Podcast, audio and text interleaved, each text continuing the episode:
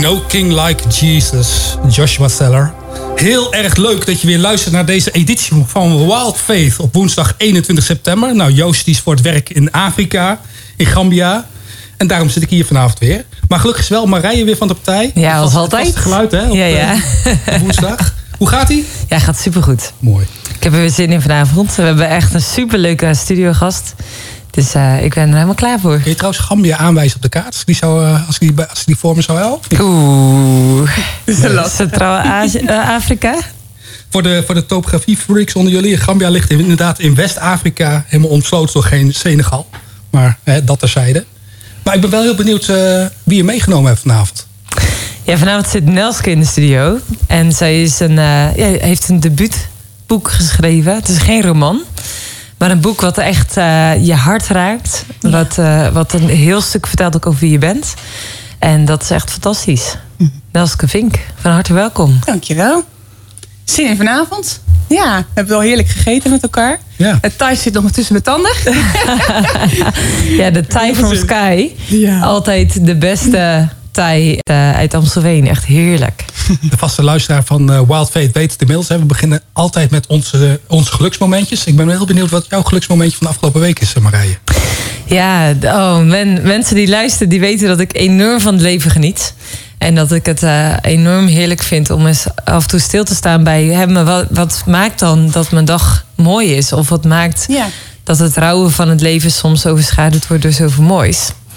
En uh, wij hebben binnenkort een evenement en dat gaat over hormoongeluk. Dus ik zit helemaal in de de theorie rondom hormonen, geluk, wat het met vrouwen doet.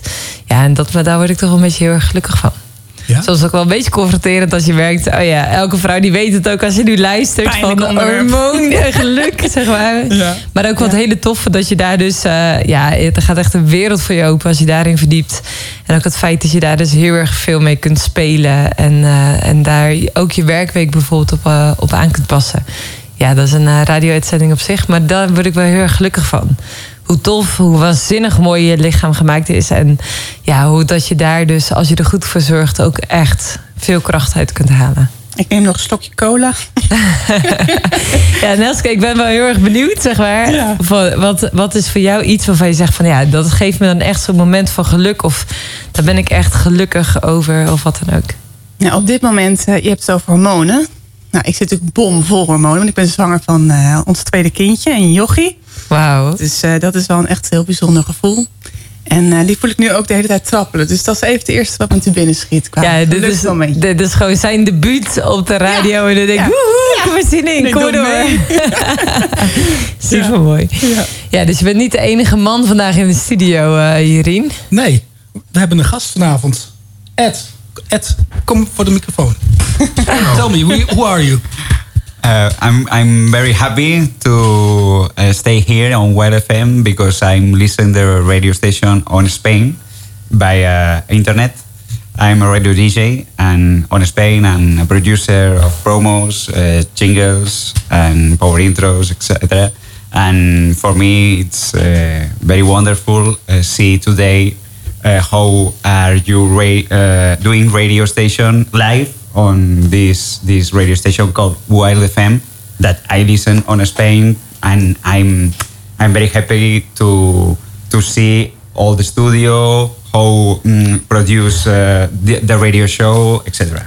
Ja, dat is echt super vet. Dus we hebben iemand die stond Ja. bij de deur en die zei: Gaan jullie vanavond live radio maken? Ik ben Ed, ik kom uit Spanje en ik wil heel graag aanhaken. Mag ik in de studio komen? Dus als je nu meekijkt en, uh, en je ziet de livestream, dan kan je Ed ook zien zitten. Echt van harte welkom, welkom hier in de studio uh, live at Wild FM. En ja, we kijken enorm uit naar de radiostudio. Dus Ed was ook echt heel gelukkig. Uh, om hierbij te zijn. Straalt en, ook helemaal. Ja, hij vond het echt fantastisch. En Rien, hoe is het voor jou? Nou, ik word natuurlijk sowieso blij als de mensen gewoon vanuit Spanje... dus uh, blijkbaar ook naar Wild FM luisteren. dat terzijde. Maar wat mijn momentje van de afgelopen week was... Uh, afgelopen maandag zat ik naar beelden te kijken... van de begrafenis van uh, Elizabeth.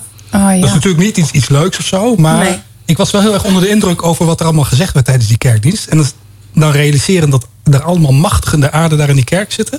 vond ik wel heel bijzonder. En dat die waarschijnlijk ook allemaal tot nadenken worden gezet. Dan denk ik van nou, dan kunnen wij uh, zo'n groot bereik, zeg maar. En waarschijnlijk kijken de miljoenen mensen over de hele wereld kijken daar dan naar op dat moment. Nou, dan, eh, dat, dat vind ik mooi. Dat, eh, daar word ik wel blij van. Ja. Ja, fantastisch. Indrukwekkend, hè? Het was heel indrukwekkend. Heb je Ja. het ook gezien? Ja, Ja, hè? ja.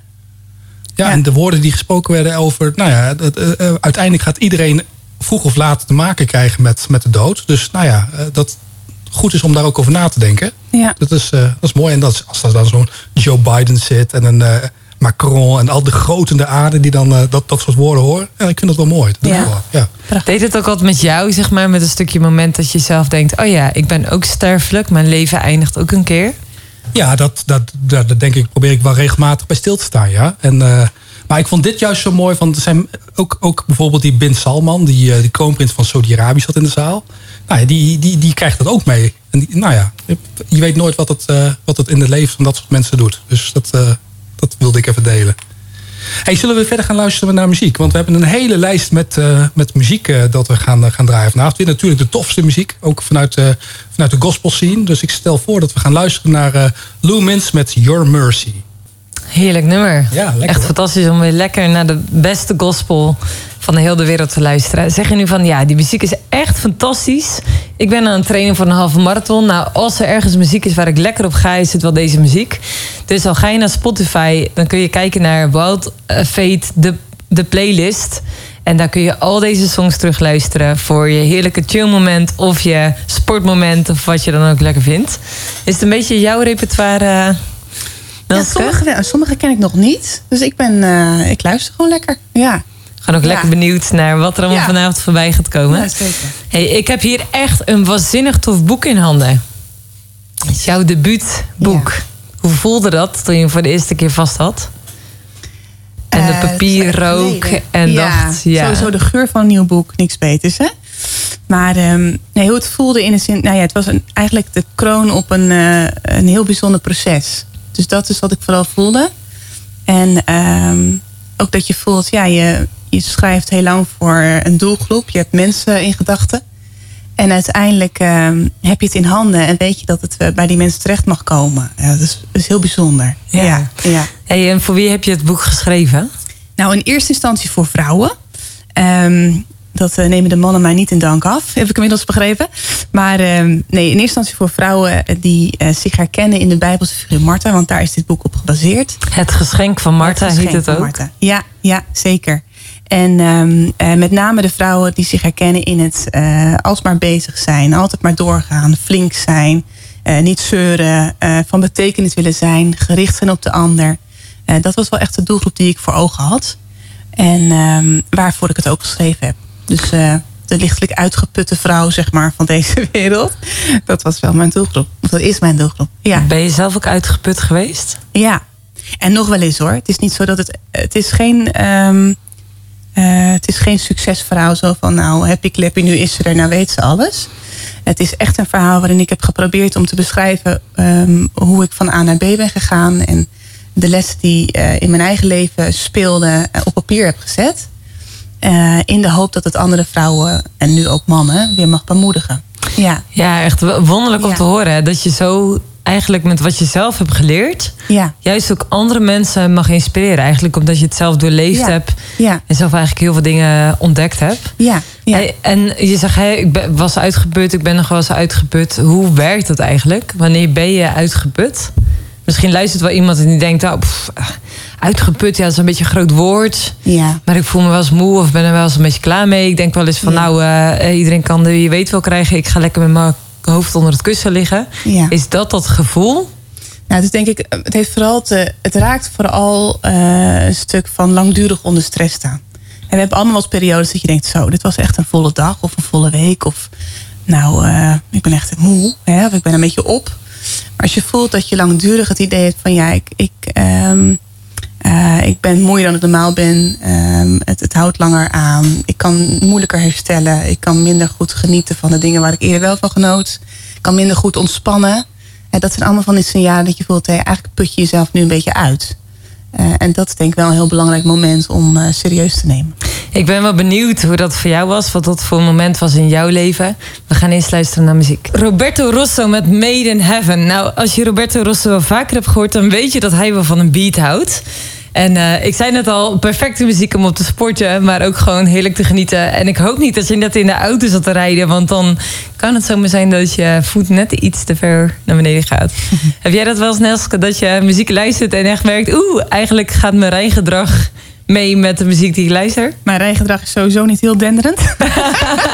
Het is echt goed om toe te geven op de radio. Maar nee, ik heb wel, eh, ja, ik hou er wel van. Ik heb de muziek ook vaak lekker hard. Dat Ja. vind ik heerlijk. Als je een mooi nummer hebt, ja, ja moet je wel opletten. Maar, maar ken je deze plaat ook van Roberto Rosso? Nee, nee, nee, ken ik nog niet. Nou, bij deze. Ja. Hij heeft een Spotify-list, dus echt super relaxed. Hij komt trouwens uit Harderwijk, dus Oh, is gewoon een Nederlandse DJ die gewoon vette muziek maakt. Echt superleuk. Ja, bij mij is het ook heel vaak zo dat mensen eerst mijn auto aan horen komen en dan denken ze, oh, Ja. Marije is weer in de huis, zeg maar zoiets. Hey, maar alle gekheid op een stokje. We hadden het net over, hè, Ja. het kan wel eens een beetje te veel zijn. Als je langdurig onder stress staat, zeg Ja. jij, Ja. dat kan dan betekenen dat je merkt, ja, het is me even een beetje te veel. De stoom komt soort vanuit mijn oren. ja. En ik zei, eigenlijk ben ik weer heel erg benieuwd of dat je dat zelf ook hebt gehad. Zeg maar. Wat voor situatie er in jouw leven was. Ja. Dat je zei, ja, het werd me toch gewoon even te veel. Ja. Nou, wat ik zei, eh, het boek is, eh, toen ik het boek in handen had, was echt een moment, eh, een afsluiting van een proces, zeg maar. En dat is een proces geweest van zeven jaar. Wat voor mij ook begon met een dieptepunt, waarbij ik zelf ook behoorlijk uitgeput was. En waarbij ik het eigenlijk niet meer op kon brengen om ehm, ja, die stoere, die sterke Nelske te zijn. Want dat probeerde ik heel erg vol te houden. Ehm, en eigenlijk tot de conclusie kwam van, ja, dit kan ik gewoon niet meer opbrengen. Eh, letterlijk niet en figuurlijk niet, zeg maar. Ik eh, ben niet meer in staat om die vrouw te zijn. Eh, ik ben niet meer in staat om dat allemaal te geven wat ik wil geven, zeg maar. En hoe ik van betekenis wil zijn. Ehm, en in dat dieptepunt eh, merkte ik op een gegeven moment... oké, er gebeurt nu zoveel in mijn leven... ehm, wat me raakt, zeg maar, en wat me bezighoudt. Het is ook goed om eens te onderzoeken... in hoeverre ik eigenlijk zelf al heel lang in de hoogste versnelling leef. En waarom ik dat doe. En wat dat me kost. Was het confronterend, dat moment? Dat Ja. je echt merkt, het kan niet meer? Ja, ontzettend.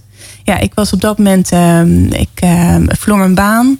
Ik kon vervolgens mijn, eh, mijn, mijn lasten niet meer betalen, dus ik moest ook mijn woning uit. Wow. Ehm, ik verloor toen ook dierbare vriendschappen. En in diezelfde periode besloten mijn ouders eh, na een vrij intensieve periode eh, te gaan scheiden.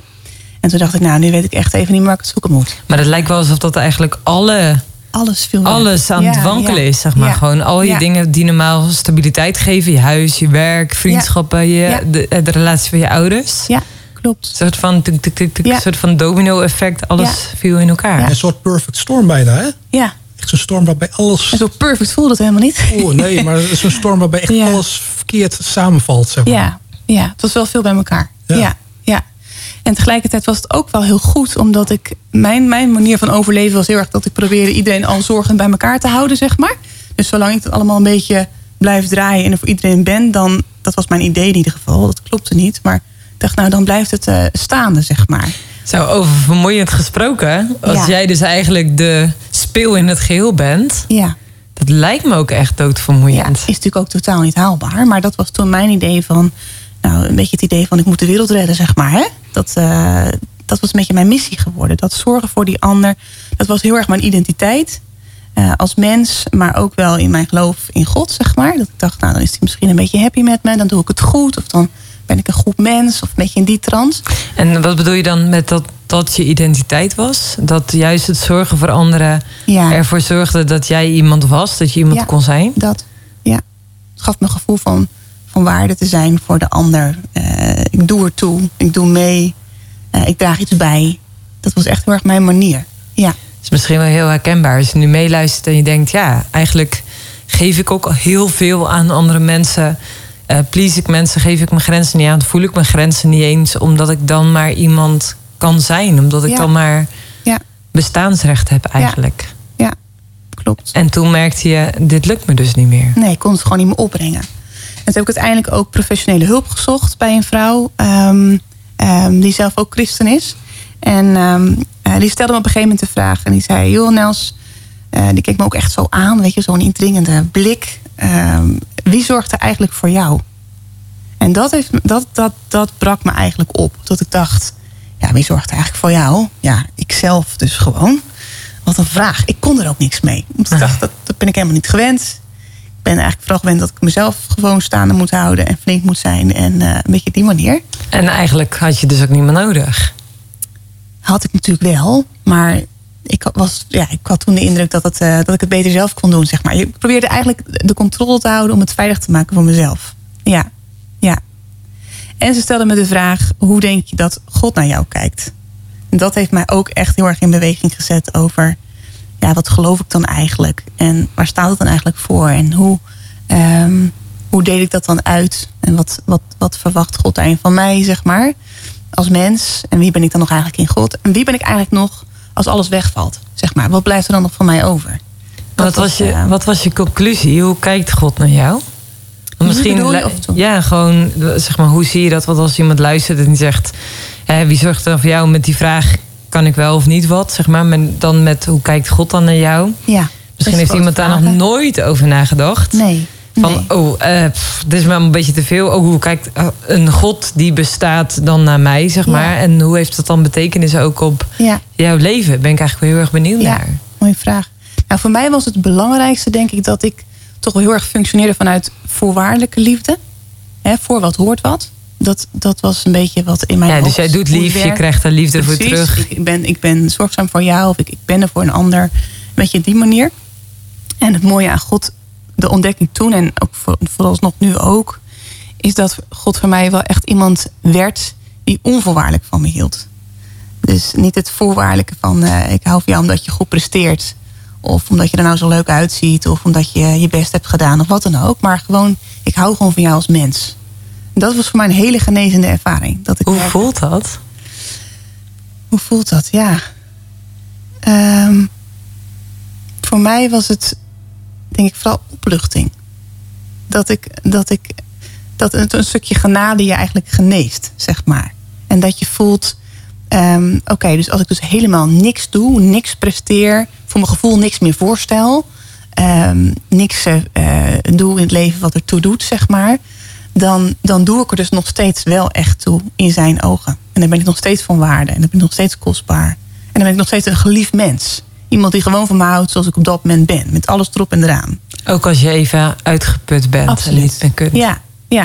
Ik geloof dat Toon Hermans een uitspraak heeft van een, eh, als ik het goed zeg, want ik hou wel eens dingen door elkaar. Ehm, die zegt geloof ik zoiets van, ehm, een vriend is iemand die alles van je weet en toch van je houdt. En Dat, dat, was, dat is denk ik dat moment toen met God voor mij.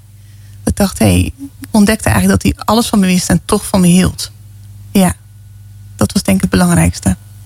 Herkennen jullie dat ook? Op zo'n moment dat je voelt, Ja, als ik voor mezelf kijk. eh, eh, ik ben in 2018 heel erg ziek geweest. Ja. Ik heb maandenlang zeg maar, ziekenhuis in, ziekenhuis uit, vijf ziekenhuisopnames. En dan echt niks meer kunnen. nee, En dan merk je dus wel van: oké, wat blijft er van je over? ja, Als je genoeg hebt alleen al aan jezelf. ja, Dus je zit niet op socials, want het zou je worst wezen. ja. Eh, je kunt niet van betekenis zijn. Eh, je, hebt, je bent echt zorgbehoevend. Ik mocht door een gescheurde nier echt maximaal 1 kilo dragen. Dus je kan niks. Je kan je ramen niet zemen. Je kan helemaal niks. Je bent echt in alles afhankelijk. ja. En dat is wel misschien wel juist de plek waar jij ook eh, van getuigt of van vertelt. Van juist op het moment als je niks meer kunt. Precies. Ja. Kom je misschien wel tot de meest rijke levenslessen van oké, Ja. maar wat als je niks meer kunt, wat als je niks bij kunt dragen, Ja. Eh, wie ben je dan? Ja, ja. En dan, dan ben je niet succesvol. Nee, En eh, ik heb er ooit een stuk over geschreven van eh, wat ik leerde in mijn onsuccesvolle periode. Want dat was ik, zeg maar. Ik kon niks leveren, ik kon Nee. niks nee. van betekenis zijn. En ja, dat, dat zijn voor mij echt de waanzinnigste levenslessen die ik daarin geleerd heb. Wat is dat voor jou, Rien? Nou, ik ken dat ook wel hoor. Dat je, dat je door moeilijke fases heen gaat in je leven. Ja, Ik heb het gelukkig niet zo pittig gehad als jij. Dat echt, allerlei, echt alles wat er fout kan gaan, fout gaat. Mhm. Tenminste, dat, zo, zo proef ik dat een beetje voor jou. Dat heb ik gelukkig niet gehad. Maar ja, het leven is natuurlijk ook eh, eh, het, eh, een, een soort golf. Hè? Het is Op met Ja. op en, en Ja. neer. Dus ja, ik ken dat soort Ja. fases ook wel. Ja, dus ja. Wat is een les die je daar geleerd hebt? In, in zo'n op en neer en dan een neer. Nou, ehm, wel dat je het... In, wat, jij ook zelf, wat jij zelf ook zei... dat je het uiteind- uiteindelijk maakt het ook niet zo heel gek veel uit... In, de, in wat, je, wat je doet en wat voor je maatschappelijke status is, et cetera. Nee. Ehm, hetzelfde als wat ik net ook, wat ik net ook zei... Hè, over het begin over Queen Elizabeth, die eh, eh, stierf. Ehm, alles is vergankelijk. Ja. Als je dat gaat realiseren, dan... eh, Ja. Ja, dan, dan, dan ga je ook misschien een stapje minder hard lopen, zeg maar. Ja. ja, dat gevoel Ja. heb ik wel een beetje. Ja. Nou, eigenlijk raakt dit een thema van maakbaarheid. Ja. Ben ik wel heel erg benieuwd naar. Maar we gaan eerst eens luisteren naar Barlow Girl, Keep Quiet. Barlow Girl met Keep Quiet. Het is altijd heerlijke muziek om even lekker naar te luisteren. Ik weet wel dat ik als tiener al naar hun Ja. luisterde. Gewoon echt, eh, ze maken echt al Oh, vet lang muziek. Ja? En echt eh super lekkere nummertjes. En eh, ja, echt heel tof. Hey, eh, we zijn in gesprek over eh, het geschenk van Marta. We Ja. hadden het net over hè, wat als het leven is een ups en downs. Af en toe ja, het een en ander eh ongenuanceerd op je pad smijt. Zoals Tessa van Olst eh, zo vaak zegt. Zij is ooit hier ook in de radiostudio geweest. Maar zij houdt er ook van om het, ja, leven gewoon eigenlijk eerlijk op tafel te gooien. Ja. Vind je het was lastig dat het haast maakbaar lijkt als we naar onze maatschappij kijken? Je wilt iets, je bijt je erin vast, je krijgt het gewoon. Zolang je maar positief denkt, dan ga je er ook komen. Eigenlijk echt een soort van een beetje hè, de law of attraction die daar een beetje in hangt. Ja. Zeg maar. Zolang Ja. je het maar gelooft, dan Ja. komt alles naar je toe. Ja. Geloof je dat ook? Nee. nee, Dat is absoluut duidelijk. Nee, nee ik, ik geloof heel erg dat we in een ehm, gebroken wereld leven. Eh, in een wereld waarin eh, er een hoop speelt en ons een hoop bezighoudt. En, ehm, en daar proberen we ons toe te verhouden. Dat, is hoe ik het heel erg zie. En ik denk dat niemand pijn en moeite met open armen ontvangt. Maar daar wel eh, naar manieren zoekt hoe je daarmee om moet gaan. En een manier kan denk ik zijn dat je probeert je eigen succes na te streven. Er is niks mis mee, om ehm, je, je talenten in te zetten en, en eh, ergens voor te gaan en ambitieus te zijn bijvoorbeeld. Ik, ik, hou ook erg van eh, nou ja, ergens voor gaan en, en ergens in geloven en, en daar eh, met hart en ziel mee bezig te zijn. Maar ik denk dat het te kwetsbaar is om te zeggen ehm, dat het allemaal van ons afhangt. En het is ook wel vrij ingewikkeld als het allemaal van ons afhangt, zeg maar. Want waarom is het ingewikkeld? Nou, dat zou betekenen dat je, dat je zelf schuldig bent eh, aan je eigen succes. Dus als je succesvol bent in het leven, dan heb je het goed gedaan of zoiets. En als je dat dus niet bent, eh, of het leven loopt anders, dan is dat aan jezelf te wijten. Nou, dat vind ik vrij hard. Ja. Hoe zien jullie dat? Nou, daar ben ik wel met je eens. Dat is Ja? inderdaad vrij hard. Zeker. Ja, Stel je nou eens voor dat je gewoon eh, chronisch ziek bent, bijvoorbeeld. Ja. Dan is dat dan je eigen schuld dan? Of Nou, als je niet, precies. niet mee kunt komen? Ja, nee, dat klopt. precies. Ja, Ja, dat is natuurlijk wel heel ingewikkeld. Hè? Maar eigenlijk willen we, denk ik, onze eigen kwetsbaarheid... en nou ja, waar eh Rien ook mee begon van... hè, je sterfelijkheid eigenlijk niet onder ogen komen. nee. Dus zolang je maar... Eigenlijk is het een beetje foppen van jezelf misschien. Dat je denkt, hè, zolang ik het maar ervoor ga... zolang Ja. ik het maar voor ogen hou, dan komt het allemaal goed. Ja, Eh, maar wellicht kom je dan wel bedrogen uit... omdat je er uiteindelijk achter komt... Hey, er zijn dus heel veel factoren in het leven... ja. eh, die je niet kan beïnvloeden. Eh, Ja. Dat is wat, wat een werkgever doet, of wat nu de inflatie doet, of wat Rusland doet, zeg maar, wat Poetin doet. Of, er zijn zoveel factoren waar je dus geen invloed op Ja. hebt. Klopt. Eh, en hoe ga je daar dan zelf mee om? Ja. Vermijd je dan die pijn? Ga je, ontken je hem of Ga je durf het je dat aan? ook aan te gaan? Ja, ja. Ben jij het aangegaan? Ik ben het hartstikke aangegaan. ja. En was dat door de gesprekken ook met die hoofdlener, die dus zei, die zorgde dan onder voor jou? andere, Onder andere. ehm, ik eh, leerde kort daarvoor mijn huidige man kennen. Nou, die heeft er ook veel in betekend. Eh, mensen om me heen die me dierbaar zijn. Ik ben het zeker aangegaan. Ja, omdat ik eigenlijk ontdekte dat mijn manier van omgaan met die pijn... Hè, dus het alsmaar doorgaan, eh, sterk zijn, flink wezen... ehm, nou de doorgeslagen goede eigenschap, zorgzaamheid zou ik bijna willen zeggen... dat werkte gewoon niet. Dat kon ik niet meer volhouden. Dus ik moest ook wel. En wat ik daarbij heel erg heb geleerd is dat ehm, we vallen vaak een beetje terug op de manieren die bekend voor ons zijn. Hè? Waar je je dus veilig bij voelt. Dus de een die gaat eh, in een soort vechting, vechthouding en de ander die vlucht ervan weg. Die zoekt het eh, in een stukje afleiding bijvoorbeeld. Eh, sommige mensen bevriezen. Ehm, maar ik geloof heel erg in dat we eh, op een of andere manier een soort actieve manier moeten vinden om te verdragen. En daar bedoel ik mee dat je eh, onder ogen komt wat er op dat moment speelt in je leven. Maar ook dat je je verantwoordelijkheid neemt daar waar je dat kunt. Dus binnen jouw rijkwijde. Dus het is geen passief proces van nou, het overkomt allemaal, ik ga achterover zitten en dit is het. Maar dat je zoekt naar oké, wat kan ik dan nog wel? En dat je daar dan ook begint. Dat, Waar ben jij eh, begonnen in dat proces? Ik ben begonnen met gewoon eens flink huilen. Heftig. Nou, flink gehuild. Want wist je dat het eindig was? Of toen je begon te huilen, dacht niet. je... Nee, nee ik, ik dacht toen echt, nou, dit, dit, dit- ik hoop dat het nog goed komt. Zeg, een beetje dat idee. Ja, een soort van, eh, er Ja. zit echt zeeën van tranen ergens in mijn Ja. zijn. Ja, ja. Kijk, als je altijd focust op die ander en altijd maar doorgaat, dan sta je dus ook niet stil bij wat, hoe het werkelijk met je gaat. Maar je staat ook niet stil bij wat je eigenlijk echt voelt. Dat sla je eigenlijk over. Ik zeg eens tegen klanten van, eh, het is net zo'n luchtbed, weet je wel. Je blijft er maar oppompen. Maar dat ventiel moet er af en toe even af om te kunnen ontluchten, zeg maar. Of ontladen, of hoe je het ook wil noemen. Ehm, als je dat niet doet, dat ga je ergens een keer merken natuurlijk. Dus voor mij was het eerst de hele tijd ontladen en gewoon delen wat me dwars zat. En het op een rijtje krijgen. Want het was gewoon één grote brei in mijn hoofd van ja, er is van alles gebeurd. Ik weet niet waar ik het zoeken moet. En ik weet ook niet waar ik moet beginnen. Klinkt ook echt als chaos gewoon. Ja, het was ook chaos. Ja. En nou ben ik ook wel nog in mijn hoofd best een chaotische persoon. dus die Heel combinatie was niet heel ideaal. Heerlijk. Ja. Ja. Hoe was dat voor de mensen? Je, je zegt, in die tijd ontmoette ik mijn man. Ja. Zo, eh, lekkere start is dat dan Ja. ook van je relatie, zeg Ja. maar. Eh, Het Ja. bleh. Ja. Ja. En Ja. ondertussen is het chaos in je hoofd. Ja. Hoe, hoe was het dan om met hem zeg maar, die relatie te beginnen? Nou, ik leerde hem daar nog voor kennen, zeg maar. Dus we hebben ook nog wel zo'n, zeg maar, dat je die verliefde fase. Dat je elkaar net dit kent, dat je bij elkaar wil zijn en zo. oh, dat was ook Ehm, heel leuk. Dat was echt heel leuk. En het is nog steeds leuk. Maar het is nu natuurlijk weer anders. En je bent nu langer bij elkaar. Maar vrij kort daarna eh, begon die periode inderdaad. Dus ehm, ehm, nou, ik, ik ben er eerlijk gezegd wel... Kijk, op dat moment zelf is het natuurlijk ingewikkeld. En is het pittig. Want je, je, je komt allebei in een soort overlevingsstand. Van hoe doen we dit met elkaar? En hoe, hoe rooien wij het samen? En eh, je komt elkaar tegen in hoe gaan we eigenlijk om met pijn. En met moeilijke dingen. Dat, dat, dat kom je tegen van elkaar. Maar je leert ook heel erg wat je aan die ander hebt. En ik moet eerlijk bekennen voor mijzelf, want je vroeg eerder van hey, hoe was dat dan? Wat ontdekte je dan? Nou, dat onvoorwaardelijke, hè, die, dat, dat, die onvoorwaardelijke liefde, daar was hij wel een van de eerste personen in die me dat liet zien. Zo. Hè, van eh, het is helemaal oké als je zo voelt. En, eh, en dat ontspant enorm. Dat er geen oordeel is, maar dat er eigenlijk aandacht is voor dat wat je voelt. Eh, en wat je meemaakt en wat je graag zou willen, maar wat niet lukt of zo. Was dat nieuw?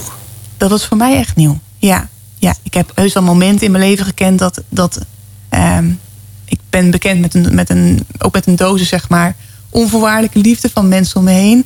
Maar ook met een dosis voorwaardelijke liefde. Maar in de liefdesrelatie voor mij was dat wel voor mij wel nieuw. Ja. Wat deed dat met Ja. je dat je dat ontdekte? Dat hij dat dus aan jou kon Ja. geven?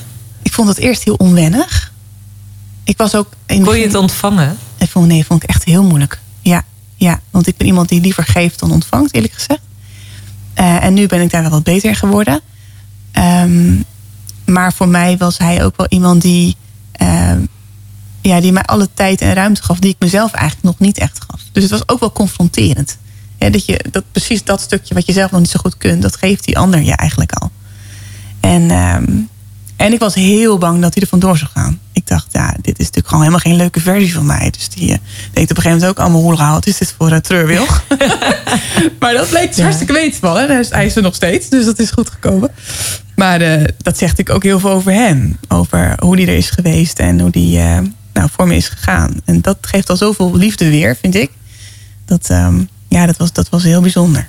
Ja. En ik ben dan wel benieuwd, hè? Want ik kan me zo maar voorstellen als iemand luistert en denkt onvoorwaardelijke liefde. ja. Hoe is dat dan in de praktijk? Hoe, hoe gaf hij een stukje onvoorwaardelijke liefde aan jou?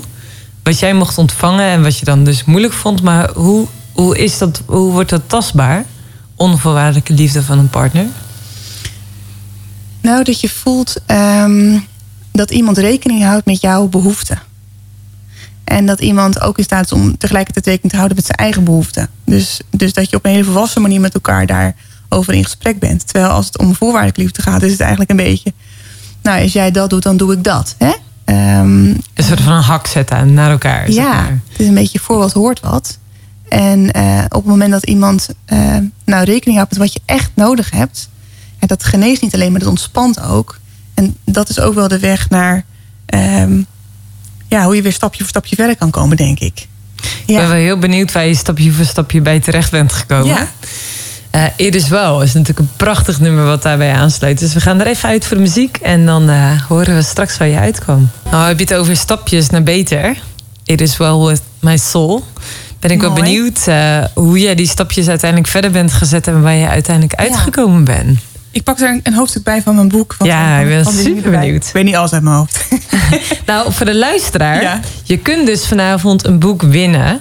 Ga dan Yes. naar de socials van Wild FM. En naar de story. En als je daar dus gewoon simpelweg je naam invult, maak je dus kans op dit boek. Dus het is heel easy. Je hoeft er niks voor te doen. Alleen je naam even achter te laten. En win je het boek, dan nemen wij contact met je op voor je contactgegevens. Superleuk. Ja. Ja. Wat eh, staat er in je boek? Vertel. Yes, nou voor mij is het eigenlijk begonnen met ehm, dat alles wat je zeg maar denkt en wat je voelt en waar je voor gaat, waar je voor staat, dat bepaalt heel erg je persoon. Ehm, dus voor mij was het heel erg de zoektocht van oké, als ik dus meer geef dan wat ik aan kan, hè, mijn draagkracht versus mijn dragenlast, dan eh, betekent dat iets voor hoe het met me gaat. Eh, voor wat ik aan kan, zeg maar. En daar ben ik heel erg over na gaan denken. Van hé, wat zijn nou eigenlijk de signalen die, ik- die, die ik niet oppik? Of welke overtuigingen spelen er eigenlijk een rol? Of welke gedragspatronen zijn nou eigenlijk eh, gaande in mijn leven, zeg maar. Dat ben ik heel erg onder de loep gaan nemen. Met, met hulp van, natuurlijk van een professional. Maar ook met, met hulp van de mensen om me heen. En ook heel veel reflectie voor mezelf. Van nou, wat ben ik nou eigenlijk aan het doen? En wat werkt nou eigenlijk voor mij? Hè? Ja, dus heel simpel is het, zeg maar, het, dat wat, je- wat je allemaal meemaakt in je leven Ja. is je draaglast. Ja. Dat is de last eigenlijk die je draagt. Ja. En dan is de grote vraag, hoe groot is je draagkracht? Ja. Is dat statisch, is dat vaststaand of is dat ook nog wisselend? Dus wisselen, denk ik. Ja, dat kan in iedere fase van je leven weer verschillen. Eh, ook in, in de samenstelling van je gezin bijvoorbeeld. Hoe je, hoe je leven eigenlijk afhangt van hoe je leven eruit ziet. Maar het gaat er vooral om dat je, dat je stilst bij hoe het eigenlijk met je gaat. Hè, daar ben je mee bezig. Daar denk je over na. En ehm, wat mij, bij mij ook heel erg meespeelde was dat, dat wat ik had geleerd, of wat ik heb geleerd over liefde en over compassie en over grenzen, dat speelde ook een hele grote rol. In, in hoe ik met de dingen omging, zeg maar. Ehm, en op het moment dat dat dan speelt, hè, dat je meer geeft dan wat je eigenlijk aan kunt, dan dat veroorzaakt ook stress. Hè, wat een probleem kan worden als het, als het te lang aanhoudt. Als je merkt, hé, dit we kunnen allemaal even een poosje stress aan. Er kan altijd iets, iets stressvols in je leven gebeuren. Maar op het moment dat dat langdurig plaatsvindt, ja, dan ga je het vaak ervaren. Dan ga je ook ervaren of je het nog, of je het nog aan kunt of niet. Of wat je dan nodig hebt. En dat is denk ik een cruciaal moment om serieus te nemen. Ehm, en en dat, heb ik, dat is een van de dingen die ik ook eh, in mijn boek aan ben gegaan. Van hey, wat zijn nou eigenlijk die alarmbellen? En wat zijn nou de dingen waar je je aan vast kan houden, zeg maar. Hè? En wat ontdekte je? Hou je vast. Oeh. Vind ik heel spannend. Nee, ik heb het eigenlijk, eh, het is, het is vrij simpel. Ik heb het vooral opgedeeld in lichamelijke symptomen, in innerlijke overtuigingen en in gedragspatronen. Dus als het om mijzelf ging, was het heel erg van hè, wat ik in het begin een beetje vertelde, die vermoeidheid die heel lang aanhoudt. Ehm, eh, hoofdpijn, duizeligheid, een continu gejaagd gevoel. ehm, niet meer kunnen genieten van de, van, de, van de fijne dingen. Moeite met concentreren. Of een kort lontje of huilbuien. Het zijn eigenlijk allemaal signalen van ons lijf eh, om ons aan te geven hoe het daadwerkelijk met ons gaat. Dus wij begonnen de, eh, de- Ja. het interview met wat is je geluksmomentje? Ja, Dus eigenlijk als je dat dan moeilijk vindt te pakken van hè, wat zijn eigenlijk de kleine dingen waar ik van kan Ja. genieten, ja, kan dus een symptoom zijn van hé, hey, je draaglast is Ja. te groot, zeg maar. Het is je eigenlijk te veel. ja, ja, ja. En dan over een langdurige periode. Dat is een hele belangrijke. En die innerlijke overtuigingen, dan heb ik het over van... ehm, ehm, hè, dat zijn eigenlijk de, de worstelingen waar je mee zit. Dus als je iemand bent die heel erg gericht is op de ander... Hè, je hebt je herkend in de Bijbelse figuur Martha in dit geval... want daar heb ik het natuurlijk op gericht... dan ehm, kan het bijvoorbeeld zijn dat je denkt... ja, ik moet altijd maar sterk en dapper zijn. Of het welzijn van die ander hangt volledig van mij af. Ehm, of dat je denkt, nou, ik ben de enige die die ander kan helpen. Ehm, of, of dat je bijvoorbeeld verantwoordelijk voelt voor de gevoelens van een ander. Dat, dat het allemaal beetje jou samenhangt. Of dat je het wat we eerder bespraken met die voorwaardelijke liefde. Want ik moet alles maar perfect doen, want dan ben ik die liefde van die ander waard. En zomaar wat voorbeelden waarbij je eh, kunt merken dat dat zijn eigenlijk geen waarheden over jezelf, maar daar, daar kan je in vastlopen. Maar hoe kom je nou eigenlijk achter die innerlijke overtuiging? Ja. Want het gaat eigenlijk toch in een blink of een AI Ja. dat ja. je dat dus Ja, denkt of eigenlijk Ja. gaat het eigenlijk aan je voorbij? Nou, ik denk in eerste instantie door stil te staan en jezelf in de spiegel te durven kijken. En dat ook met anderen te bespreken. Van hé, hey, wat merk je nou eigenlijk op bij mezelf? Want vaak zie je het ook niet meer bij jezelf. Je merkt het ook niet meer op, want het is helemaal ingebakerd in wie je bent hè, als persoon. Dus dat, dat is het ook het lastige eraan, denk ik. Je bent je er nog niet bewust van. Op het moment dat je er bewust van wordt, kan je er ook iets aan doen. Dus dat is denk ik een hele belangrijke, daarbij, eh, daarover na te denken. Ja. ja. En dan als derde, wat was als derde belangrijk? Ja, laatste punt. Ehm, gedragspatronen heb ik het over. En dan kan het bijvoorbeeld zijn dat je gewend bent om, eh, dat is ook zoiets, hè, dat je gewend bent om ingewikkelde gevoelens, eh, zoals onvrede of boosheid of dit, om dat weg te drukken in plaats van te doorleven. Of dat je eh, geen grenzen aangeeft, maar in plaats daarvan bo- boos wordt op de ander. Dat zie ik ook heel veel in de praktijk. Dat herken ik ook in mijn eigen leven. Dat je pissig wordt omdat iemand steeds iets aan je vraagt. Dat je denkt, ja, dat is ook diegene die wil altijd wat van me hebben. Of die heeft het van mij nodig. Daar reageer je dan op af. Maar eigenlijk, in wezen, ben je zelf, heb je zelf geen verantwoordelijkheid genomen om je grens aan te geven. Dat is ook zo'n, dat is ook hardnekkige. Ehm, dus dat je eigenlijk geen rekening houdt met je eigen behoeften. En dat je soms ook niet meer weet wat het verschil is tussen iemand bijstaan. Zeker als je gericht bent op die ander. eh, en meeleven. Of er zelf compleet in onderdoor gaan omdat het helemaal op jouw schouders rust. Weet je wel, dat je het helemaal over gaat nemen bijvoorbeeld. Omdat het bijna onderdeel is geworden van jouw leven. Dat is ook zo'n hele ingewikkelde.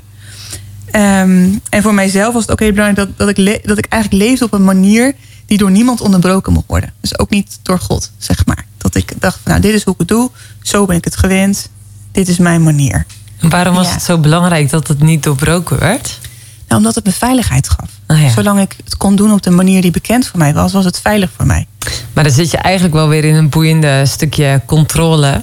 Ja, Zolang je zelf maar dingen controleert, Ja. zolang je Ja. zelf maar de Klopt. regie bewaart, zolang je maar zelf weet, oké, dit gaat goed. ja, Dan kun je het soort van nog de balletjes omhoog houden. Maar als er ergens dus iets begint te schudden, wat in jouw leven dus gebeurde, je verloor je baan, ja, eh, je huis, je ouders gingen scheiden, eh, eh, vriendschappen die stuk liepen. Dus ergens in, in die thermiek van het leven merkte je dus echt, oh shoot, het, het glipt me nu tussen de vingers door. Ja, ja, want ik kan het niet meer opbrengen. Ja, klopt. Ja. Dus dat, dat was voor mij een hele belangrijke. En, en zeg maar, het aanknopingspunt was eigenlijk dat, dat ik me realiseerde, ja, je bent je er nog niet bewust van. Vaak ben je nog niet bewust van wat iets je kost. Tot het moment dat je voelt, ik ben niet meer in staat om het te geven. Nou, dat was bij mij heel erg van toepassing. Dat ik merkte, ja, ik kan het gewoon niet meer opbrengen. Dus hoe laat ik nou eigenlijk weer op? Waar houd ik me nou eigenlijk aan vast? Ehm, van, van ehm, hoe kan ik me eigenlijk weer laten voeden? Dat was een hele belangrijke. Ja, Ja, nou, we gaan het volgende uur zeker met elkaar door over hoe laat je jezelf te voeden. En je stel je voor dat iemand luistert en dan zegt van... Oh, Nelske, ik herken me zo in jouw verhaal. Alleen, ik weet niet waar ik moet beginnen. Ik, ik weet het gewoon niet. Het is me nu gewoon allemaal te veel. En eigenlijk, ja, eh, wil ik gewoon even niet meer zijn. Of, of ben ik depressief, of ben ik zo moe... of heb ik geen uitkomst meer, weet ik het even allemaal niet meer. Ik ben eigenlijk radeloos. Of Ja. ik nader dat stukje. ja. Wat zou je ze dan mee willen geven? Nou, gewoon even vanuit Nels. Ik zou het liefst een dikke knuffel geven. Want ik snap hoe dat voelt. En ik snap ook hoe raadloos je kunt voelen. Dus ik denk dat het heel belangrijk is dat verbinding zoeken. Dat we het niet alleen hoeven te doen. Kijk, voor mij is God daarin een belangrijke persoon. Maar misschien voor de ander mensen om je heen. eh, mensen die je vertrouwt, die veilig voor je voelen. Eh, dat is denk ik heel belangrijk. Dus dat je het deelt. Dat je bespreekbaar maakt. Dat je het niet alleen doet. Eh, dat je desnoods hulp zoekt als je niet weet bij wie je het moet vinden. Of ook hulp zoekt. Ehm, en dat kan professioneel zijn, maar ook gewoon in je nabije omgeving. Dus het contact leggen met de ander. Ja, Het is zo heerlijk hè, dat het gewoon zo eerlijk en open is, dat gesprek met jou. En Ja. gewoon niet van het leven is maakbaar of eh, als je maar positief denkt. Maar eigenlijk nee. durf ook even dat rauwe stukje in de ogen te kijken. En Ja, eh, vooral niet alleen te worstelen. En ook niet de gedachte te hebben dat je dus de enige bent in deze. nee. Zeg nu, ja, ik wil het boek van Nelske gewoon lezen. Ik wil gewoon echt alles zo gewoon als een spons op me nemen. Eh, ga dan naar onze socials van Waldefem. En eh, zorg ervoor dat je je naam even achterlaat in de story. Zodat wij jou wellicht blij kunnen maken met het boek. Als je eerlijk bent, zit je nu gewoon stiekem lekker mee te zingen met Gregory Porter. Wat een heerlijke muziek maakt die man toch. Echt fantastisch.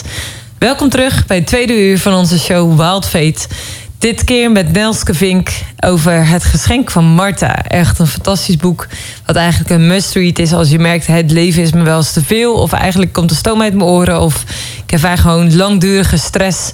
Ja, dan is eigenlijk het de, de manier om te ontdekken... hoe kom je dan gewoon tot rust? Hoe kun je dan goed voor jezelf zorgen? En nog zoveel meer. Sinds een tijdje hebben we een heel tof nieuw item.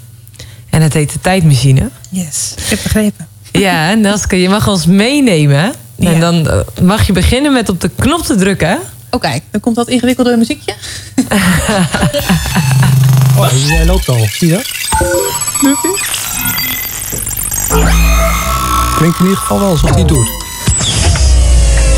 Kijk, de deur gaat ook open. Nou, ze zeggen het neemt plaats. Ja? Mag van start? Ja. Ladies and gentlemen, are you ready? Ben je, ben je er klaar voor? Ja. ja.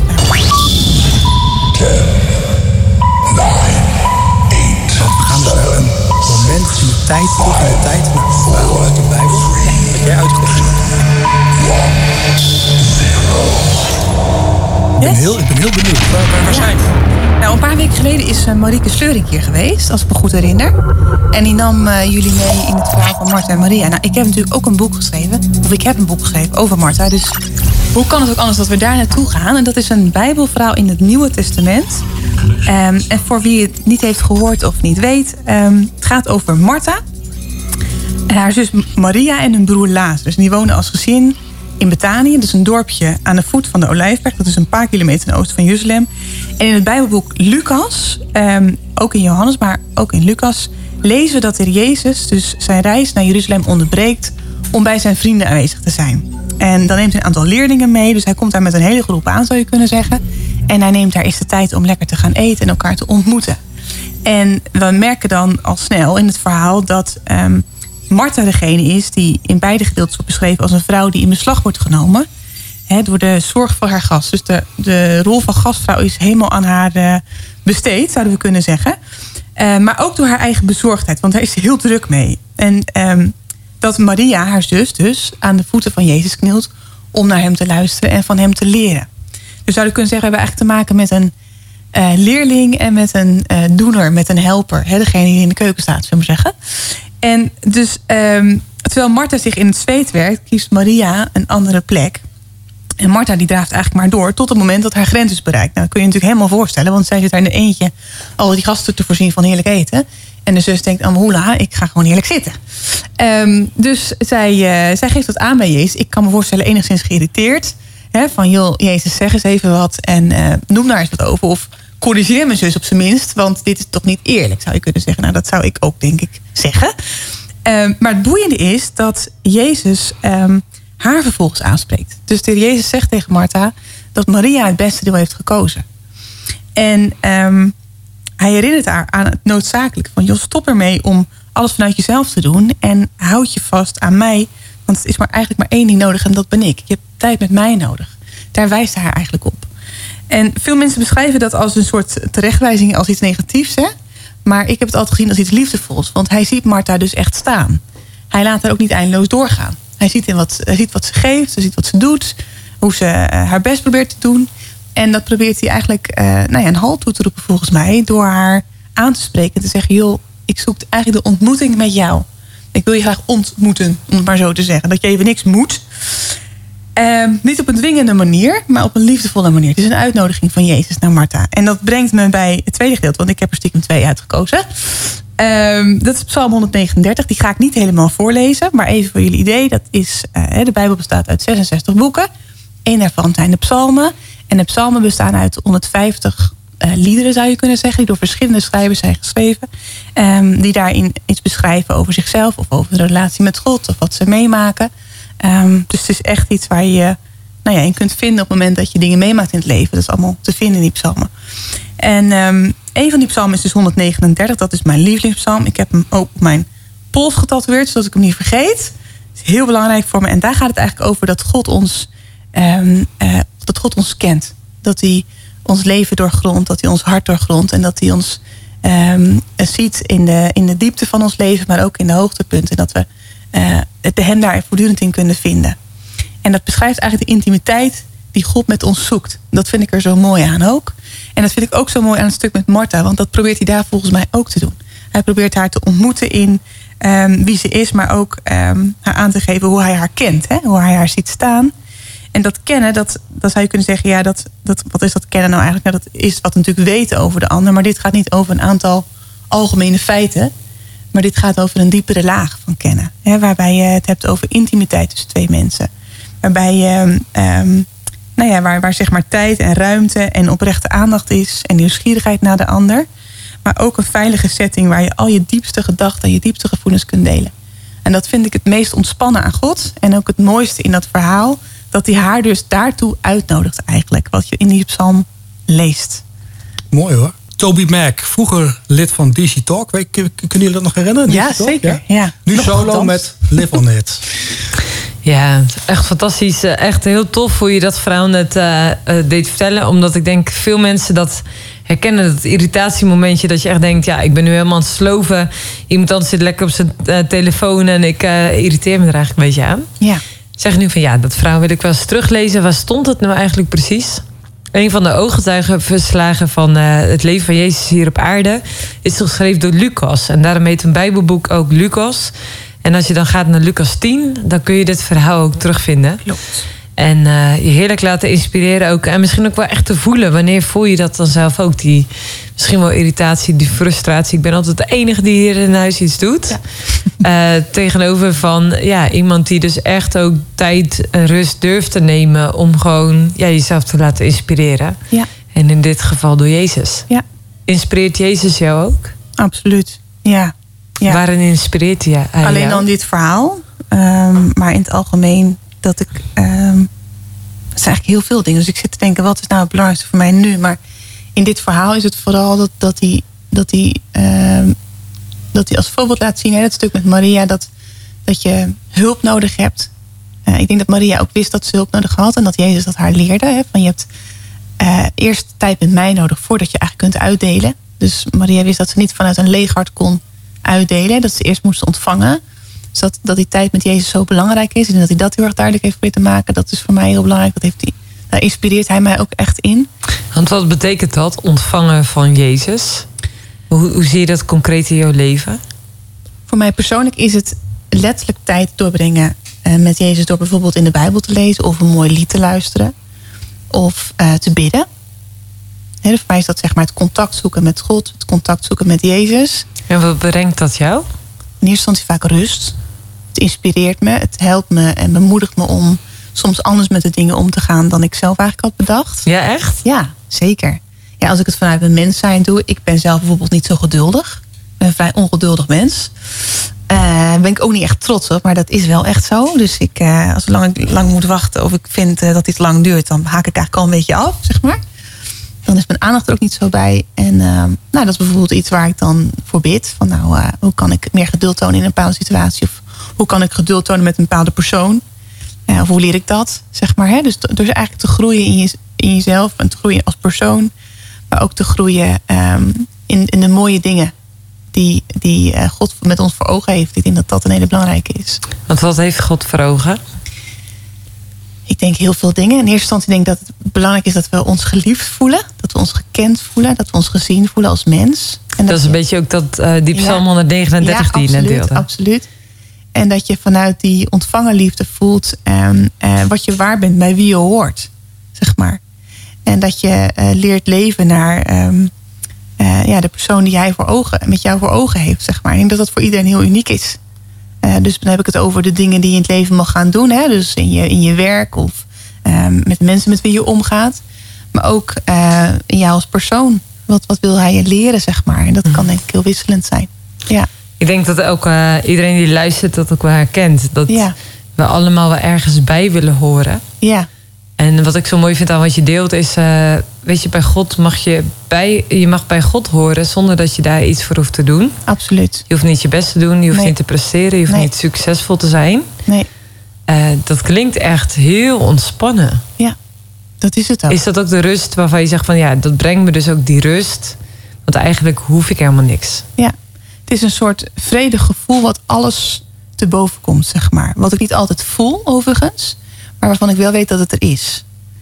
Maar wel grappig, want ik denk dat als mensen nadenken over christen zijn en Ja. christenen, Ja. dat ze altijd denken: ja, maar van God mag je juist heel Ja. veel niet. Ja, snap ik dat mensen dat zeggen. En dat heb ik zelf ook heel lang gedacht. Dus ik snap dat heel goed. Ja, En wat, wat, heb je dan, ja, wat heb je dan ontdekt, zeg maar? Dat je zegt: hey, ik hoef bij God juist helemaal niks. ja, Terwijl het beeld zo vaak is: ja, maar bij God moet je, moet je juist heel veel. Of mag je Ja. juist dingen niet doen, zeg maar. Ja. Maar dat, dat voelt zo beklemmend, zo niet vrij. ja, ja, Maar wat jij deelt klinkt juist wel Ja. heel vrij en heel dat ik denk: ah, ja, heerlijk. Als Ja. je gewoon weet, ik hoor erbij. Ja. Gewoon omdat ik ben. ja, ja. Nee, voor mij is het ook dat ik, ik geloof zelf ook echt dat, dat God mij heeft gemaakt. En dat er een stukje in mij is wat alleen vervulling vindt in hem, zeg maar. Dus dat ik dat niet kan vinden in andere dingen, hoe ik dat ook probeer. dat succes waar we het eerder over hadden. Dus voor mij is het ook, het doel is ook niet zozeer succes. Voor mij is het doel veel meer overgave. Overgave aan een God in de hemel die van me houdt. Uh, overgave aan het leven wat hij met mij voor ogen heeft. Overgave aan um, uh, nou ja, een soort zoektocht. En een, en een zoektocht naar de plekken waar hij me wil hebben. Waar ik van betekenis mag zijn. Dat is, dat is heel erg mijn zoektocht in het leven met God, zeg maar. En ik vind dat heel ontspannend. Dat, um, we hebben het natuurlijk heel vaak over wat we zelf allemaal kunnen bepalen in het leven. Maar dit is veel meer leven in afhankelijkheid van iemand die het beste met je voor heeft. Um, die het goede met je voor heeft. En, en, en die je daarin mag, dus mag volgen. Ik zeg niet dat het altijd makkelijk is, dat ik het altijd precies weet. Helemaal niet. Maar ik vind dat een van de meest ontspannen dingen. Dat je, dat je, dat je hem mag volgen en dat hij weet wat goed voor je is. Ja. Ja, dus het is eigenlijk het contrast tussen jezelf laten zien, presteren, zichtbaar zijn. Ja. En zorgen dat mensen je leuk vinden, dat ze je liken, dat ze je ja. volgen. Dat je daar een stuk ja, zijn betekenisgeving aan, aan kunt ondervinden. Ja. En jij zegt, ik vind het juist bij God die, die mij dingen geeft, die me overlaat met een stuk liefde, die dingen voor mij in petto heeft. Ja. Uh, dus eigenlijk in plaats van dat je zelf allemaal maar moet ja. pushen en moet presteren ja. en moet leveren, zit het veel meer in ontspanning. Ja, absoluut. Ervaar je dat ook? Nou, echt niet elke dag. En echt niet 24-7. Maar met name in de momenten dat ik, dat ik voel. Uh, weet je, als je, je hebt van die momenten in het leven dat je voelt, ja, hier, gaat het echt over. Dit zijn wel de cruciale momenten uh, in mijn leven die ertoe doen. Dat zijn vaak de, de hoogtepunten en de dieptepunten. Um, dat zijn voor mij heel erg de momenten dat ik dat heel erg ervaar. Dat God mijn leven leidt, dat hij erbij is en dat ik er niet alleen voor sta. Dat is ook zoiets dat je, dat je niet zo alleen hoeft te voelen, zeg maar. Ik denk dat er heel veel mensen in deze wereld zijn die zich echt verrekt alleen voelen.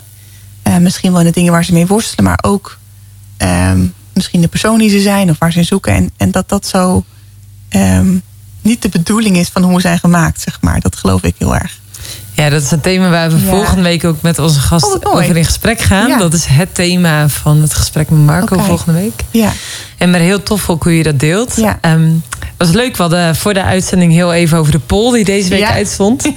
en dat voelde ergens een beetje, Ja. Ja. ii, zeg maar, Ja. dat schuurde een beetje. Ja. We gaan eerst luisteren naar muziek. En dan neem ik je graag mee in de uitkomst van de poll. Want misschien heeft de luisteraar hem ook wel gezien en denkt hij echt, ja, vrek, even serieus. Is dit nou een poll? Is dit nou een vraag?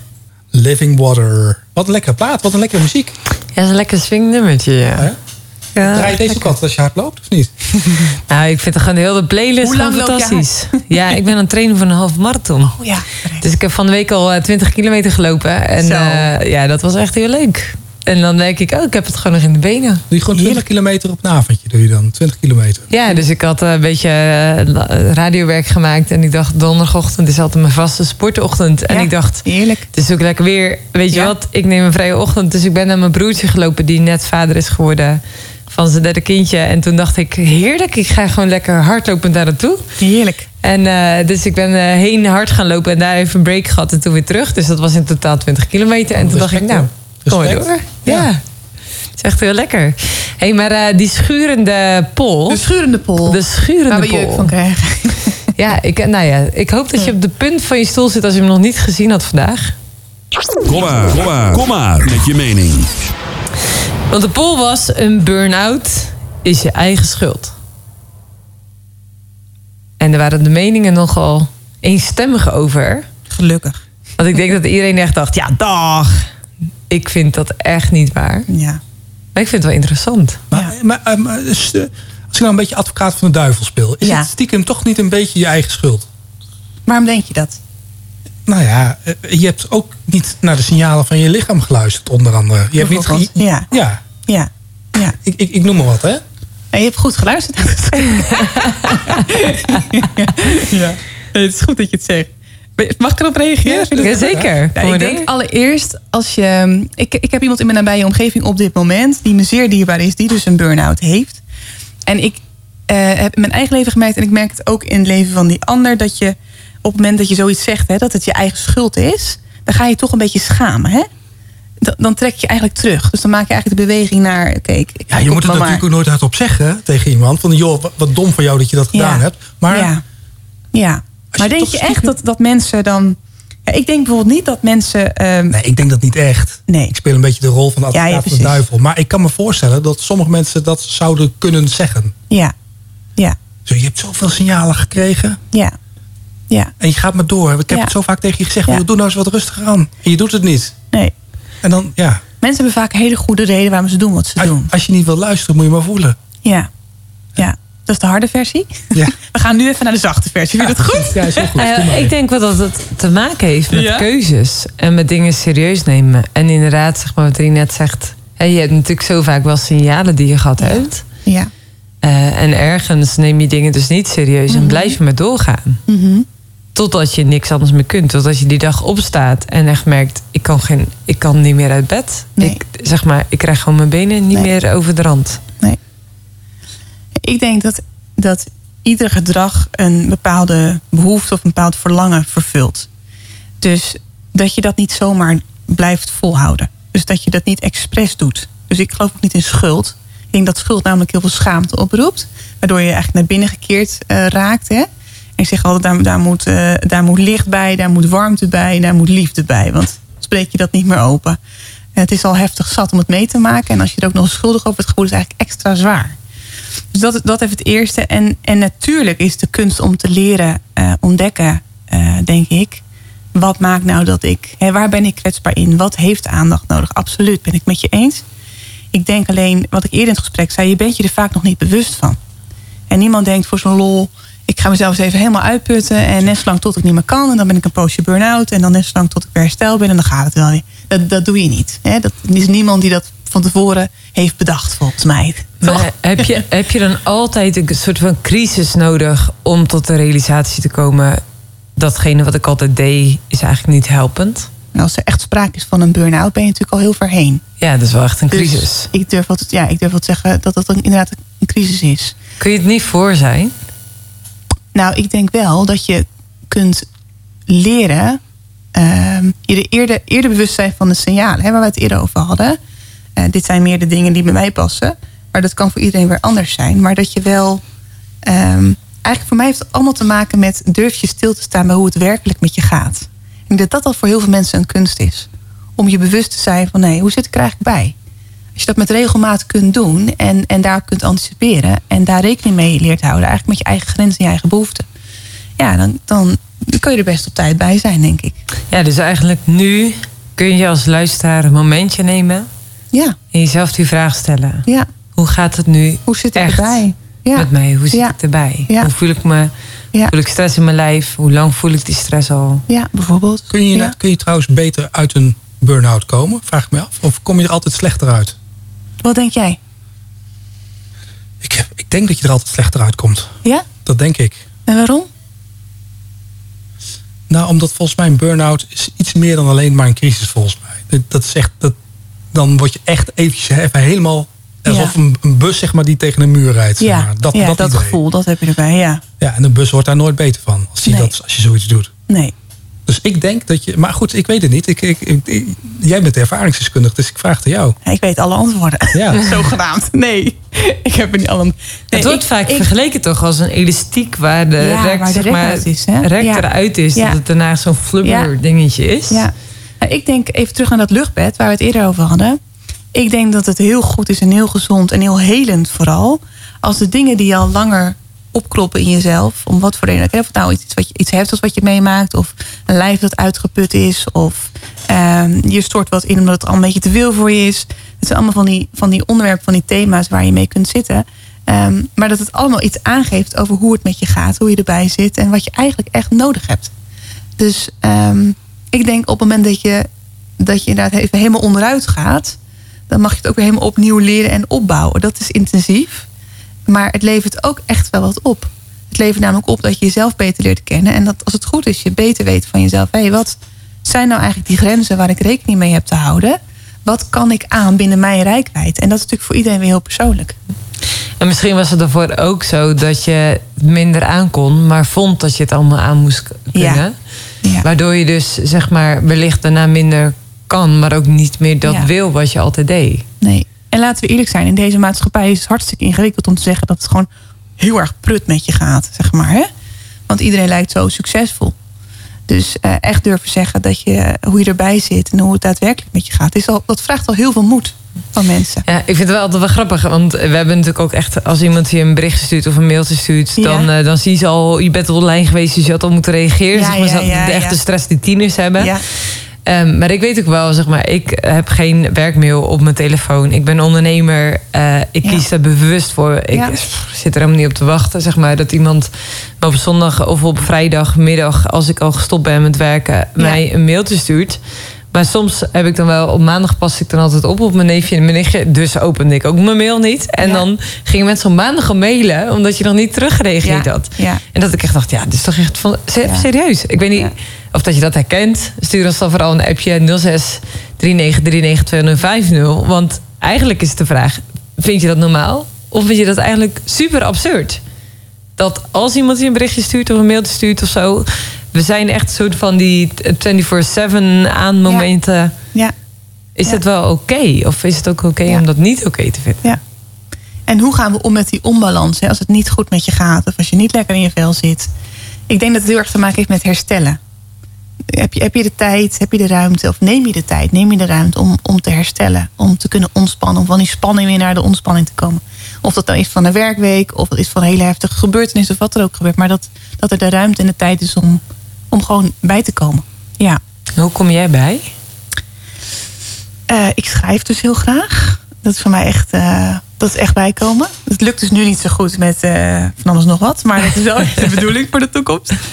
En dan echt schrijven om iets te produceren of schrijven voor jezelf? voor mezelf schrijf ik sowieso. Ja. Dat vind ik heerlijk. Maar om iets te produceren lijkt me ook weer heerlijk om dat in de toekomst te doen. Ja, ja. Het is, eh, je kan er niet van leven, in ieder geval ik niet.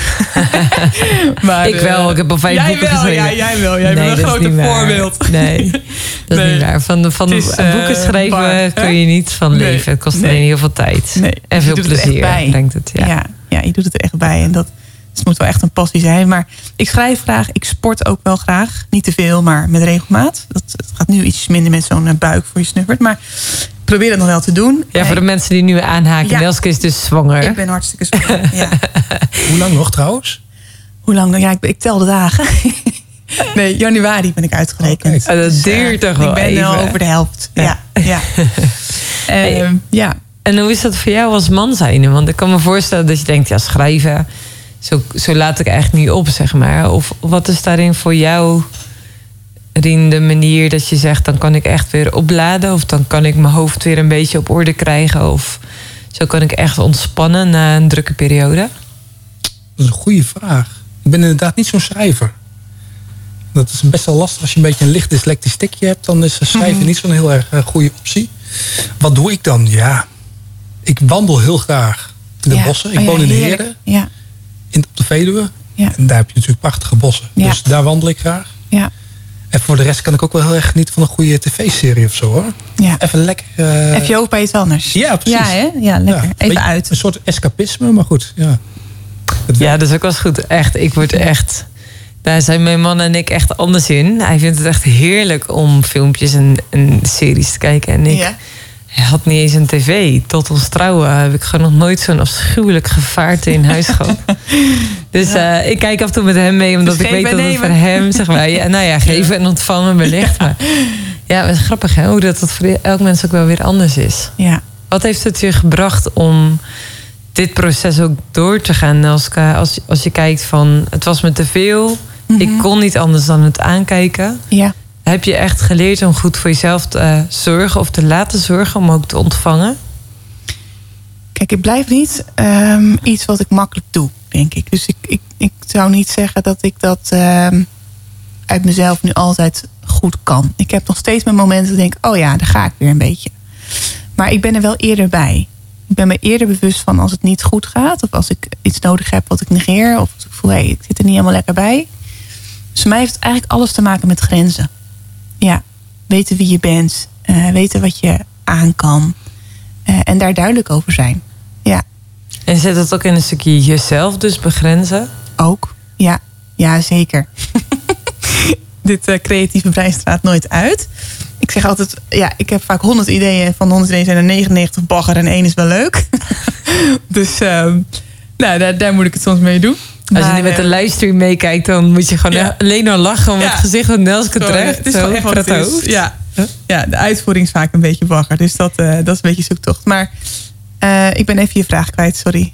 Nou, dat je eh, ook in jezelf begrenzen dus Ja, iets goed vindt, zeg maar. Ja. Dat je ook wel eens jezelf moet begrenzen. Of Ja. even een, ho, een halt toe moet roepen, zeg maar. In wat je denkt of in ja, wat je dus voelt in je lijf. En dat je nu echt gewoon weet van... oké, het is nu even Ja. klaar. Het is nu Ja. even stoppen met zorgen. Andere mensen zien, anticiperen op datgene wat je allemaal ziet. Geven, Ja. geven, geven. ja, ja, Maar daarin dus ook goede zelfzorg ja.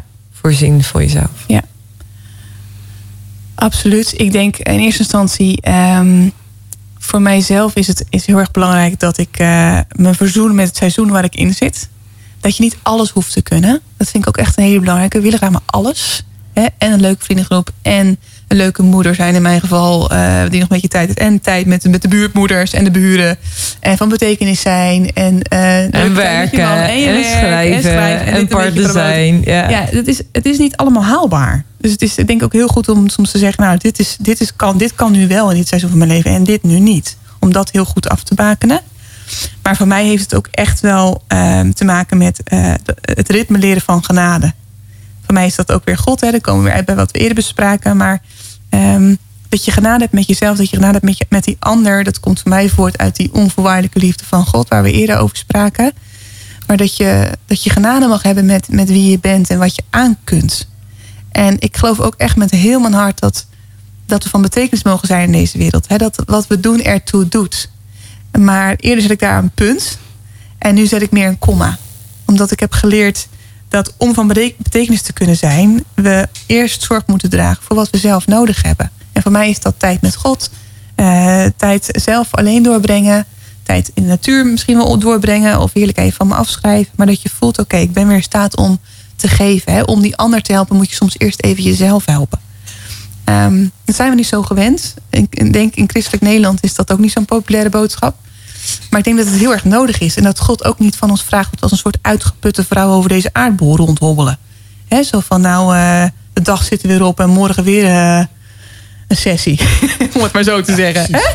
Dat, dat, dat hij dat niet van ons vraagt om meer te doen dan wat we aankunnen. Ja, ja, dus de neiging die we allemaal denk ik wel eens hebben... en ik denk Ja. dat iedereen dat wel herkent... is dat je, dat je geeft en geeft... eigenlijk in de hoop daar een stukje erkenning van terug te krijgen. Soms ook, ja. En Ja. wat je eigenlijk stelt is... hè, wanneer je eerst dus van God mag ontvangen... hé, hey, je mag er zijn. Ja. Ik heb onvoorwaardelijke liefde voor jou. Ja, Dat je dus van die overvloed ja, uit mag delen. Ja. Dus dan, dan je eigenlijk nooit droog... klopt. Maar je moet altijd weer zorgen dat je Ja. zelf weer bij de juiste bron... Ja. Ja. alles ontvangt wat je dan dus nodig hebt. Ja. Ja, we zijn... eh, eh, die twee uur die vliegen altijd super snel voorbij. Dus we gaan eh, luisteren naar Witte Vlag van Gerald Troost. En dan ben ik heel erg benieuwd naar wat het geschenk is van Marta. Nou, dit is volgens mij wel een hele toepasselijke plaat als we het hebben over Marta en Maria. Eh, Witte Vlag van eh, Gerald Troost. En het is natuurlijk de remix. Ja, echt super lekker weer.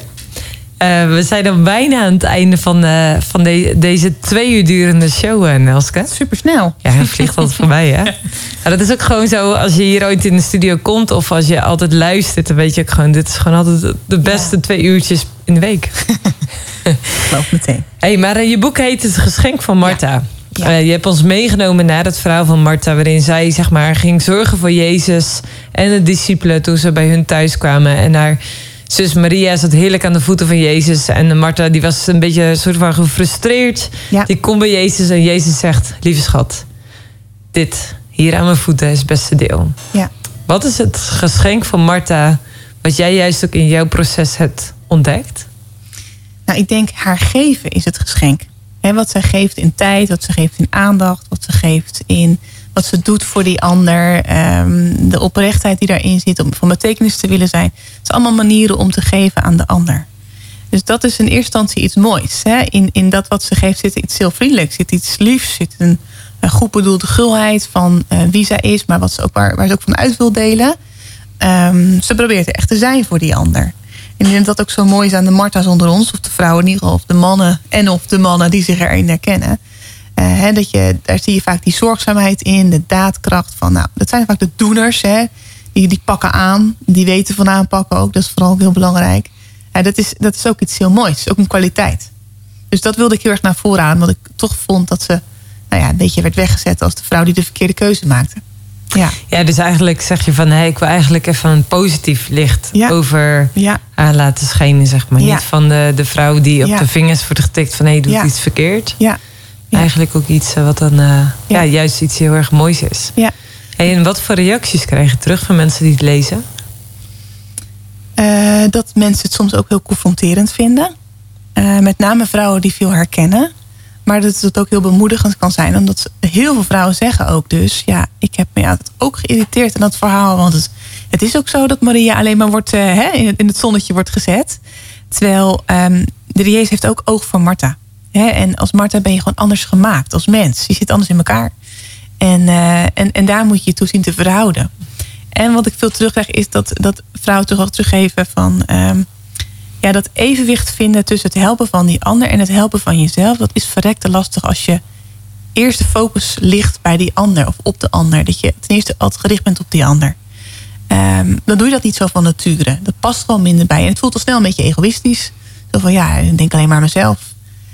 Dat is echt iets wat. Ja, dus dat is eh, wellicht zo'n overtuiging waar je dus iets mee moet. Die even onder het ja, licht moet houden van... Hè, is het inderdaad ook egoïstisch of is het noodzakelijk om Ja. eerst... Ja. En is dat zorgen ook passend? Hè? Of nemen we de verantwoordelijkheid van de ander om voor zichzelf te zorgen niet over?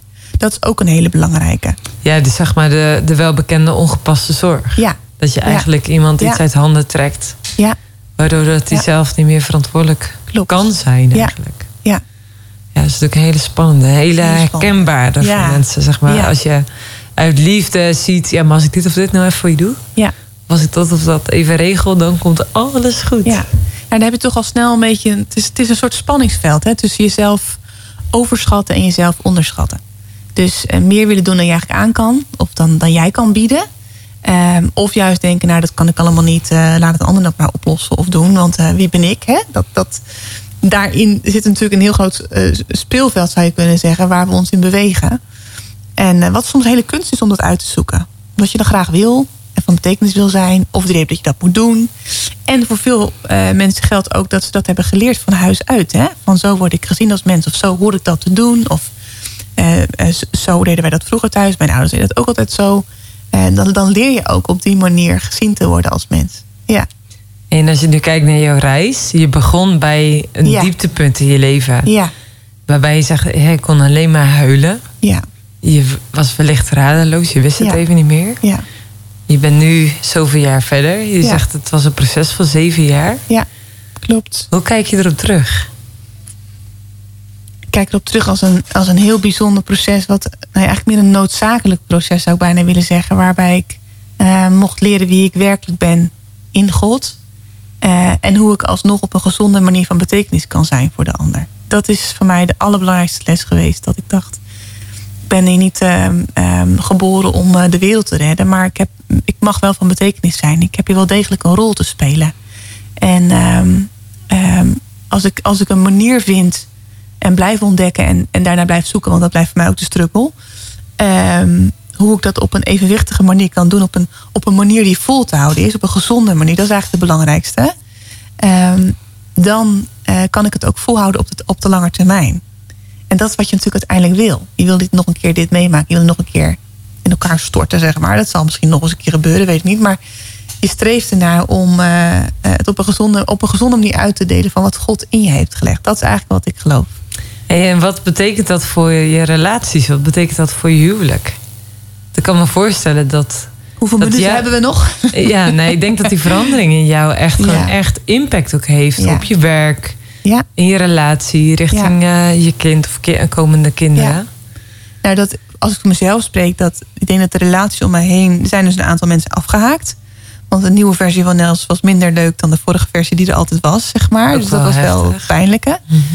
Maar het mooie is dat je dan ook mensen om je heen verzamelt waar je die balans veel meer hebt. Hè, die ook van betekenis zijn voor jou, bij wie ik ook terecht kan. Bij wie ik ook met mijn hele shitzooi eh, terecht kan. Waarbij ik alles op tafel kan leggen. Mensen die alles van me weten en toch van me houden. Dat. En dat werkt zo genezend in de wereld waar we het over hadden aan het begin. Die zo maakbaar is en zo gericht op succes enzovoort. Ehm, dus dat is al een heel belangrijk voor mijn eigen relaties, zeg maar. Eh, en, en in mijn huwelijk vind ik een hele grote vraag die ik niet in één minuut kan antwoorden. Maar het belangrijkste is denk ik dat er, dat er, dat er een gezonde balans ontstaat. En dat je veel meer rekening houdt met elkaar en wat je werkelijk nodig hebt. En dat je, dat je ook in staat bent om het meer uit te spreken wat je echt nodig hebt. Dat is denk ik het allerbelangrijkste. Ja. Ja, de diepste vorm van communicatie. Dus ik had laatst een Ja. klare liefdesstijl podcast. En dat was Ja. echt super tof. Die, ja? Dat ging over, je hebt verschillende lagen van communicatie. Maar de diepste laag ligt bij je behoeftes en je verlangens. Absoluut. Ja. En dat is nog een diepere laag dan je emoties. En heel vaak kennen we die dus niet. ja, Dus de vraag die jij net stelde vond ik echt heel erg tof. Van, ja, kun je wel eens dus stilstaan en echt even voelen... hoe gaat het nu echt met Ja. me of waar heb ik Ja. behoefte aan? ja, Dat is echt de diepste kernvraag die je maar kunt ja. afvragen. En een hele belangrijke, om misschien mee af te sluiten. Maar ehm, wat voor mij ook echt een belangrijke is, eh, en was, en nu ook is, en nog meer realiteit is geworden. Je bent absoluut geen ongelukje. Je bent hier niet zomaar. En je bent gemaakt met een reden. Er is over jouw bestaan heel zorgvuldig nagedacht. Eh, dat heb ik zelf ook echt mogen ervaren. Er is met zoveel eh, zorgvuldigheid over nagedacht. Het is de moeite waard om dat te ontdekken en op een gezonde manier vorm te geven. Omdat het leven een soort van constante afwisseling is tussen het bekende en het onbekende, het zekere en het onzekere, het comfortabele en het oncomfortabele. Dat is, dat is beweging. Het is niet een soort van één rechte lijn, maar het is, het is steeds meebewegen met wat, met wat er in je leven gebeurt, wat er in onze samenleving gebeurt. Dat vraagt een hoop van mensen. Ehm, dus dan weten wie je bent en bij wie je hoort, is voor mij echt een soort anker, als een soort hoop. Ehm, met het vertrouwen dat het, dat het beste altijd nog komt, zeg maar. Ja, mooi. Ja, Hey, en stel je voor dat iemand luistert en zegt... ik wil dat anker ook. Je deelt Ja. over wie God voor jou is. ja, Ik verlang ook zo naar zo'n anker. Naar dat zeker weten. Ik weet wie ik ben. ja, Omdat ik gewenst ben. Omdat ik geen ongelukje ben. Omdat ik Ja. bedacht ben. ja, ja, Wat als iemand daarna verlangt? ja. Hoe kunnen mensen dat stukje van God ontdekken, ontmoeten? Ik denk op het moment zelf, ik zou het echt super gaaf vinden als mensen dat zo ervaren. Maar ik denk het mooiste zou zijn, of het mooiste niet, misschien wel het noodzakelijke zou zijn, dat je gewoon op je knieën, eh, hè, dat je op je knieën gaat zitten, dat je je handen vouwt. En dat je God gewoon uitnodigt. Van nou, ik heb eigenlijk geen idee wie u bent, maar ik hoor hier er een van een boodschap die me raakt. Ehm, of ik heb dit al langere tijd, ik ben hier nieuwsgierig naar. En laat u zelf maar zien aan mij. Zeg maar, hè. We, we willen vaak zelf weer zoveel doen. En dat we van alles moeten. Maar misschien mogen we wel gewoon gaan ontvangen. En gaan zoeken. En gewoon bidden van nou hier, ik ben wel benieuwd naar wie u bent. Of ik ben benieuwd wat, wat dat dan is. Hè? Wie ik dan ben in u. En hoe dat eruit ziet in mijn eigen leven. Dat het daar mag beginnen. Ja, dat is eigenlijk heel eenvoudig. Ja, Hier en nu, wel. niet ingewikkeld. Niks simpel. ingewikkeld. Nee. Zeg je nu van, nou, ik wil gewoon meer weten over dat wat Nelske geleerd heb. En me gewoon onderdompelen in haar wijsheid en, en gewoon haar levensverhaal. Eh, check dan even onze socials. Via de stories kun je kans maken op het boek Het Geschenk van Marta. En het is gewoon nog te koop. Dus als je het nou niet wint, bestel het dan. Ja. En eh, laat je verrijken door haar kennis. We ontmoeten je graag volgende week weer hier bij Wild Fate, de show van Wild. Op de woensdagavond of op de zondag. En eh, dan gaan we in gesprek met Marco. Een gesprek over verbinden, over echte relaties. Ja, echt fantastisch. Dus we kijken er weer naar uit.